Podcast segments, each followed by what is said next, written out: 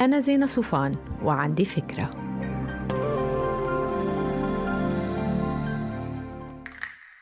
هاي.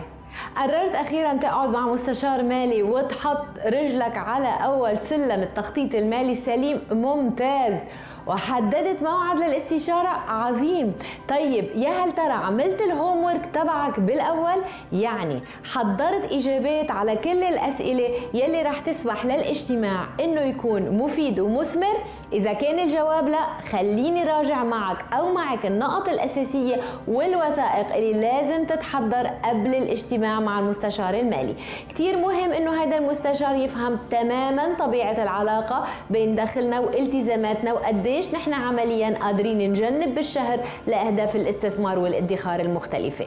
أكيد ضروري قبل الاجتماع انت وزوجتك أو انت وزوجك تكونوا متفقين على الهدف من هيدا الاجتماع وهيدا الاتفاق بيكون نابع من تصور مشترك للأولويات. يعني ما فيكم تقعدوا مع مستشار واحد واحد يقول التقاعد هو أولوية ملحة والتاني يقول شراء البيت بيجي بالأول.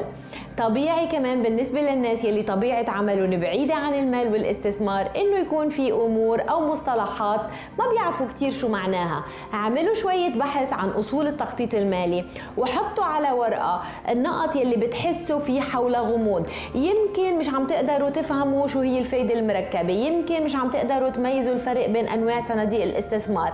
أو حتى مش متأكدين من حقيقة المصاريف المرتبطة بشراء أصل أو أداة استثمارية أو حتى بتك اكتبوا الأسئلة على ورقة. حرصوا إنها تكون معكم بهيدا الاجتماع.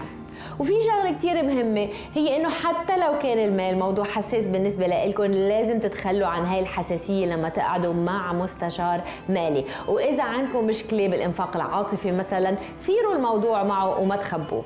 وآخر شيء تذكروا إنه من الجهة الثانية مش عيب ابدا انكم أنتم تدرسوا المستشار نفسه. يعني تفهموا شو طبيعة شهاداته وخبراته وتجربته ببلادكم أنتم أو مطرح ما عندكم أصول أو ممتلكات لأنه كل بلد عنده قوانينه الخاصة وأنظمة الضرائب والتقاعد والتأمين الخاصة فيه. ما تنسوا تعملوا download للفكرة تعطوها rating وتساعدوني بنشره. bye